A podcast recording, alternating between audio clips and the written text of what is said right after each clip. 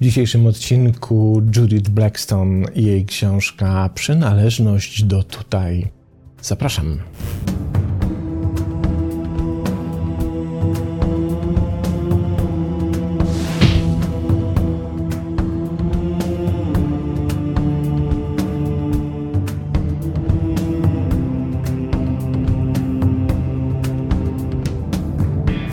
Jak zwykle zaczniemy od tego, by sprawdzić, kim jest autorka książki.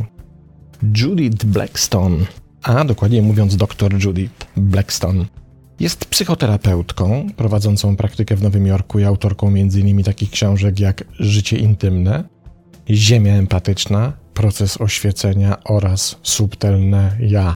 Oczywiście wszystkie te tytuły przetłumaczyłem sam, bo żadnej z książek Judith Blackstone nie ma na rynku polskim, a przynajmniej mi się nie udało takowych znaleźć. Jest również założycielką i dyrektorką Non-Duality Institute w Nowym Jorku. Prowadzi warsztaty i szkolenia w Stanach Zjednoczonych i Europie.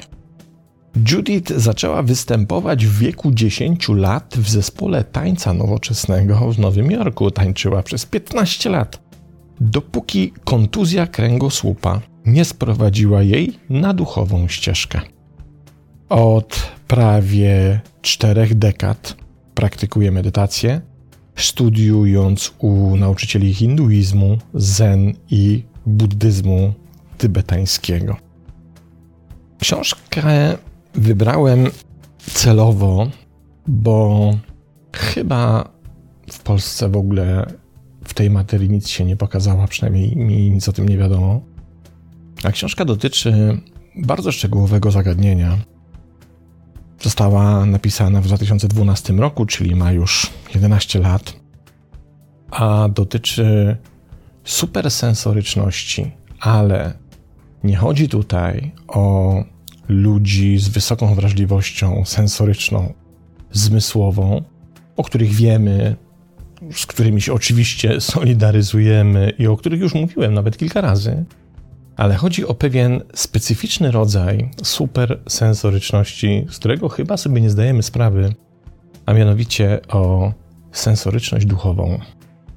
Przeczytajmy pierwszy fragment. Choć wszyscy jesteśmy zdolni do duchowego przebudzenia, ludzie, których pociąga duchowa ścieżka, często już od najmłodszych lat posiadają szczególny rodzaj otwartości lub wrażliwości. Może to przybrać formę zwiększonej percepcji, obfitości energii, wyjątkowej głębi emocjonalnej lub zdolności wglądu w to, jaka jest prawdziwa, a nie iluzoryczna natura rzeczywistości. Każdy z tych darów może być wejściem do subtelnego duchowego wymiaru życia, ale kiedy pojawiają się w dzieciństwie, mogą również powodować trudności, takie jak konflikty w naszych związkach, niska tolerancja na bodźce zmysłowe lub poczucie niezgodności z wartościami wyznawanymi przez otaczającą nas kulturę. Różne wyzwania, jakie może stwarzać duchowa wrażliwość oraz strategie ochronne, których używamy, aby sobie z nimi poradzić, mogą zakłócać nasz rozwój i pozostać z nami jako dorosłymi. Mogą stać się przeszkodami w naszym życiu osobistym i duchowym mogą sprawić, że poczujemy się wyobcowani z otaczającego nas świata, a także z nas samych. Nawet ludzie, którzy podążali duchową ścieżką przez wiele lat, mogą nie być w stanie przejść dalej niż pewien punkt w swoim duchowym przebudzeniu z powodu wpływu tych wczesnych problemów. Jednym z przejawów duchowej wrażliwości jest na przykład obfitość energii.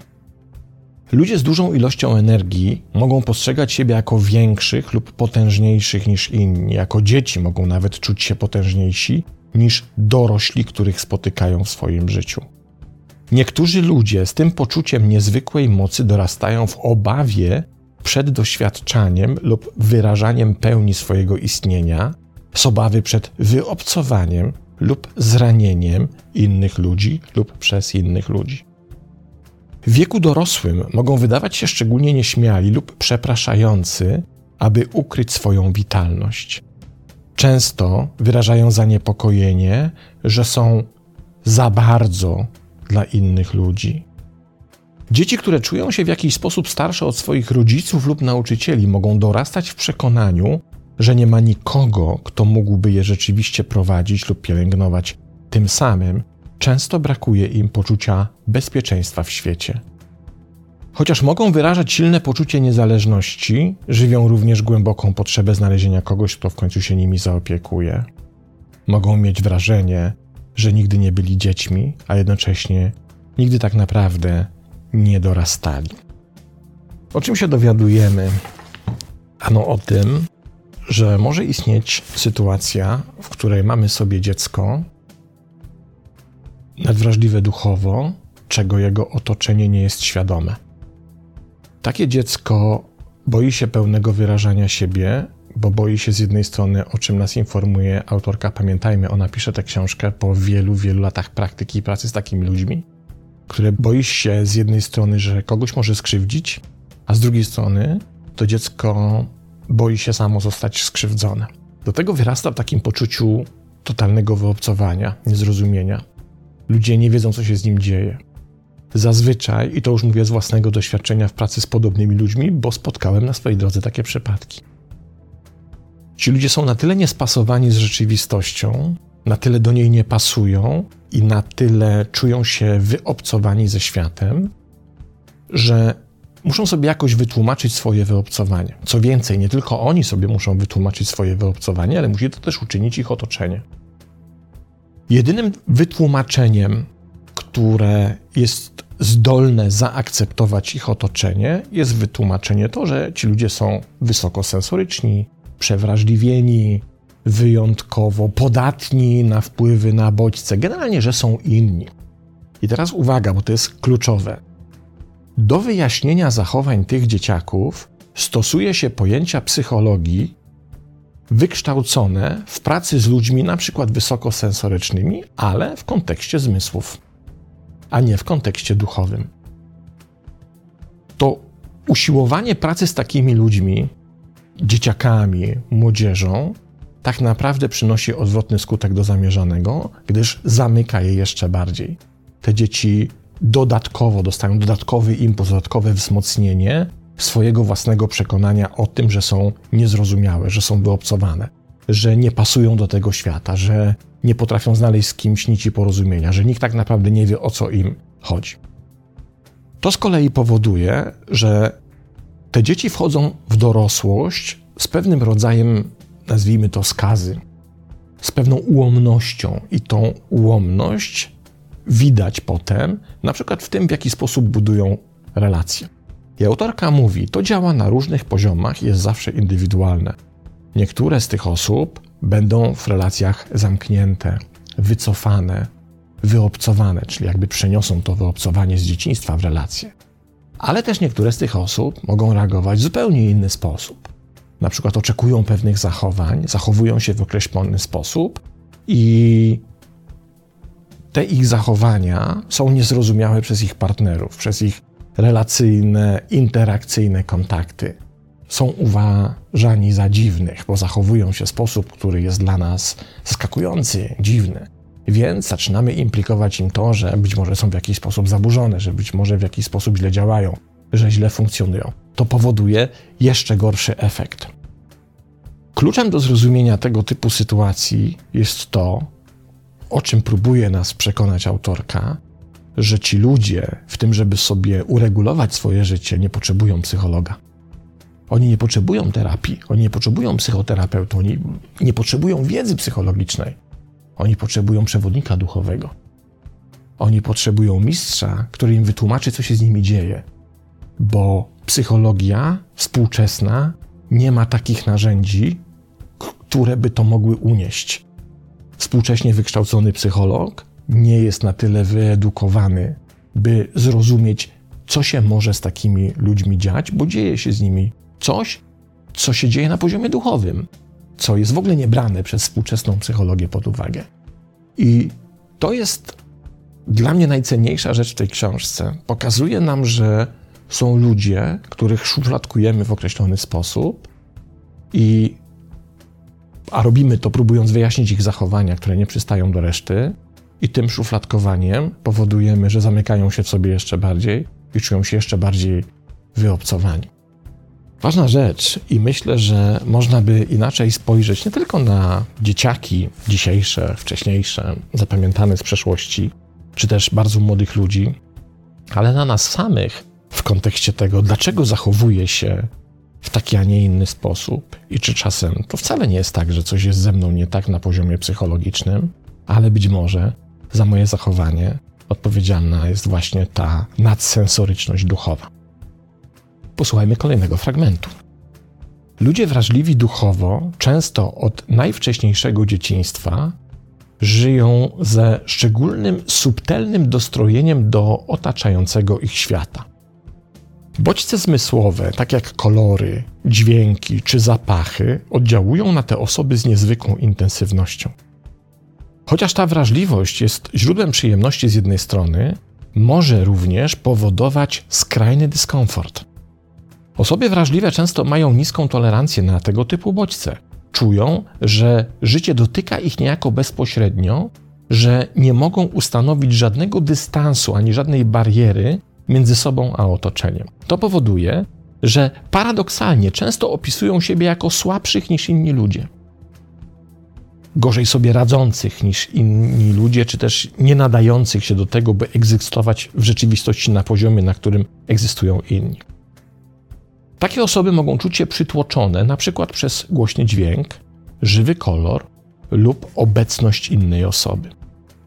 Odgłosy miejskiej ulicy, modulacje głosów innych ludzi, a nawet rzekomy biały szum różnych silników urządzeń gospodarstwa domowego mogą zakłócać ich zdolność do odczuwania własnego życia wewnętrznego, własnych myśli i uczuć.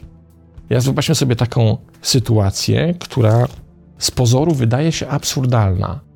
Ktoś mówi, że na tyle mu przeszkadza brzęczenie lodówki, że nie słyszy samego siebie. Słuchamy takiej osoby, mówimy, jakiś porąbany. Przecież tej lodówki w ogóle nie słychać. Jak coś takiego może przeszkadzać?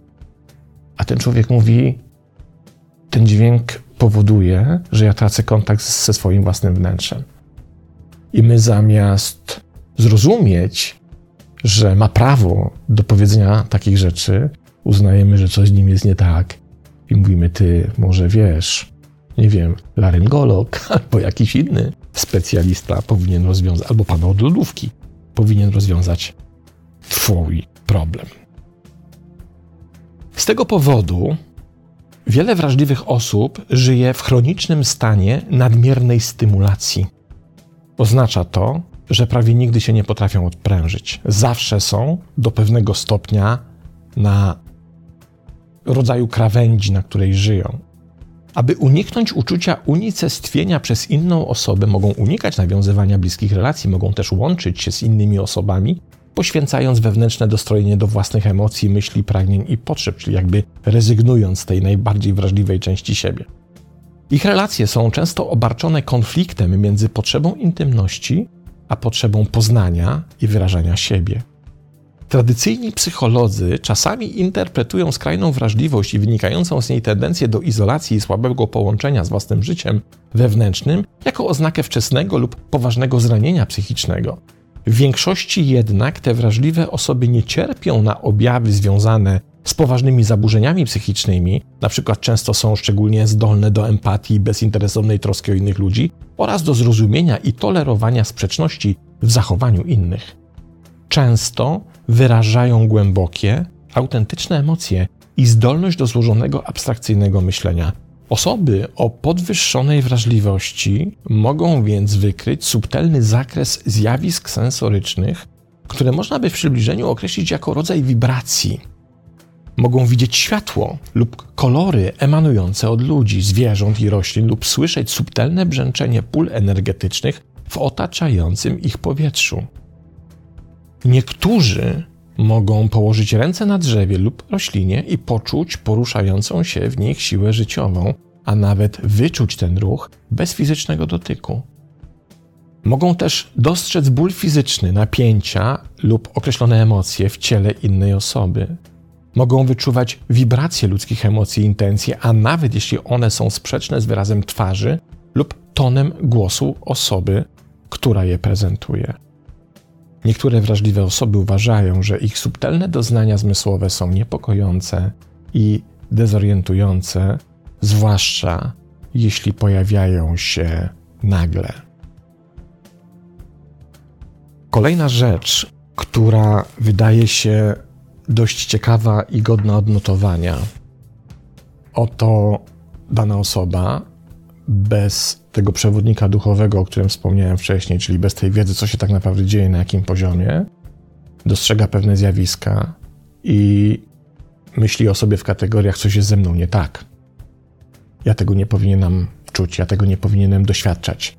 Coś się ze mną niepokojącego dzieje, ja tego nie potrafię wytłumaczyć, więc pewnie, nie wiem, wariuję. Coś jest ze mną na tyle grubo nie tak, że nie nadaje się do tego, by normalnie funkcjonować, normalnie egzystować. Ileś razy miałem taki przypadek na swoich sesjach, kiedy przychodził ktoś, uznając, że ma konkretny problem na poziomie jakiegoś zaburzenia lub też tendencji do zachowań definiowanych jako określone zaburzenie psychiczne, a potem się okazywało, że tak naprawdę problem leży zupełnie gdzie indziej. Takim klasycznym przypadkiem, który warto tutaj wspomnieć, jest coś z pogranicza tak naprawdę ścieżki naszego duchowego rozwoju, a religijności. Coś, o czym pisał przewspaniale Jan od Krzyża, mówiąc o nocy ciemnej, kiedy pisał o tym, że w naszym rozwoju duchowym przychodzi taki moment, w którym dochodzimy do ściany i nie wiemy co dalej. Czujemy takie utknięcie. Wszystko, co do tej pory nas prowadziło, co nas motywowało, co było motorem naszego rozwoju, wydaje się przestać działać. Stoimy po prostu przed czarną ścianą i nie potrafimy jej przejść. To jest właśnie ta noc ciemna Jana od Krzyża, który mówi: Jeśli stoisz przed taką ścianą, to świetnie, bo to jest bardzo ważny krok na drodze Twojego duchowego rozwoju. Co więcej, według Jana od Krzyża też wielu innych mistyków, w tym tych ze wschodu, nie da się przejść ścieżki duchowego rozwoju bez zderzenia na pewnym etapie z taką ścianą. To jest naturalne zjawisko, które jest związane z naszym duchowym rozwojem. I przychodzi człowiek, który mówi: No, pomóż mi, bo ja mam problem na poziomie psychicznym. Nie, nie masz problemu na poziomie psychicznym. Po prostu doszedłeś do pewnego momentu, w którym świat materialny i materia, którą zdobyłaś w życiu, którą się otaczasz, przestała ci mieć cokolwiek do zaoferowania. To się te możliwości świata materialnego i otaczającej cię rzeczywistości się dla ciebie wyczerpały. Kolejnym krokiem jest wejście w rozwój duchowy, inaczej się tego nie da przejść, bo tu na poziomie materialnym, rzeczywistym, tak naprawdę już nie jesteś w stanie niczego osiągnąć, co spowodowałoby ten kolejny napęd, ten, tą motorykę dalszego kroku i dalszego rozwoju. To jest klasyczny przykład, który się pojawia w bardzo wielu różnych sytuacjach życiowych u naprawdę sporej części osób. Żeby rozwiązać ten problem, trzeba udać się po radę do kogoś, kto ten problem ma za sobą. Mistrza, guru, nie wiem, jakiegoś rodzaju przewodnika duchowego. To nie musi być człowiek, to może być idea, to może być książka, to może być jakaś formuła, ale pomoc wtedy nadchodzi nie z tej strony, z której się spodziewamy. Współczesna psychologia i jej narzędzia niestety w tym miejscu nie dają rady nam pomóc i nie są w stanie rozwiązać tego problemu, i o tym dokładnie pisze autorka książki. Kolejny fragment. Kiedy głęboko duchowe dusze przybywają do gabinetu terapeuty, są nastrojone na nieszczęścia świata i świadome własnej bezsilności w ich zmianie. W efekcie ich życie może stać się dla nich nie do zniesienia. Mogą też czuć się wyjątkowo samotne. Rzadko spotykają kogoś, kto ma taką samą głębię serca jak oni, więc często czują się niespełnieni w swoich związkach. Jeśli same przyjęły rolę rodzicielską w dzieciństwie, mogą tęsknić za prawdziwym macierzyństwem lub ojcem. Mogą desperacko potrzebować opieki i komfortu, nawet jeśli je odpychają. Brak autentycznego związku ze znaczącymi osobami w dzieciństwie może wykoleić rozwój ich własnego związku z samymi sobą, ich zdolność do odczuwania bliskości z innymi ludźmi. Wiele takich osób dorasta w poczuciu wygnania, że jest obcym na obcej ziemi. Podobnie jak goście w obcym kraju wydają się być świadkami życia z punktu widzenia, którego nie mają rdzenni mieszkańcy. Widzą jakby z daleka, zauważając schematy i dysfunkcje, których nie widać z bliska. Mają talent do postrzegania sytuacji jako całości, wykraczania poza konwencjonalne, wspólne postrzeganie ich rodzin lub społeczeństwa. Ich zdolność do postrzegania sytuacji jako całości umożliwia im znajdowanie ukrytych znaczeń w wydarzeniach, których inni mogą nie brać pod uwagę. Ta wrażliwość może przekształcić się w wizjonerski wgląd, integralny aspekt duchowej dojrzałości. Może zapewnić też wielką przyjemność oryginalnej, spontanicznej myśli, może dojrzeć w mądrość, a po zintegrowaniu z rozwiniętą zdolnością emocjonalną może stać się współczuciem, mieszanką zrozumienia i bezwarunkowej miłości. Tak rozumiem duchowe przebudzenie, pisze autorka. To pogłębiony i wyrafinowany kontakt z samym sobą i naszym otoczeniem, który odkrywa pierwotną esencję naszego istnienia.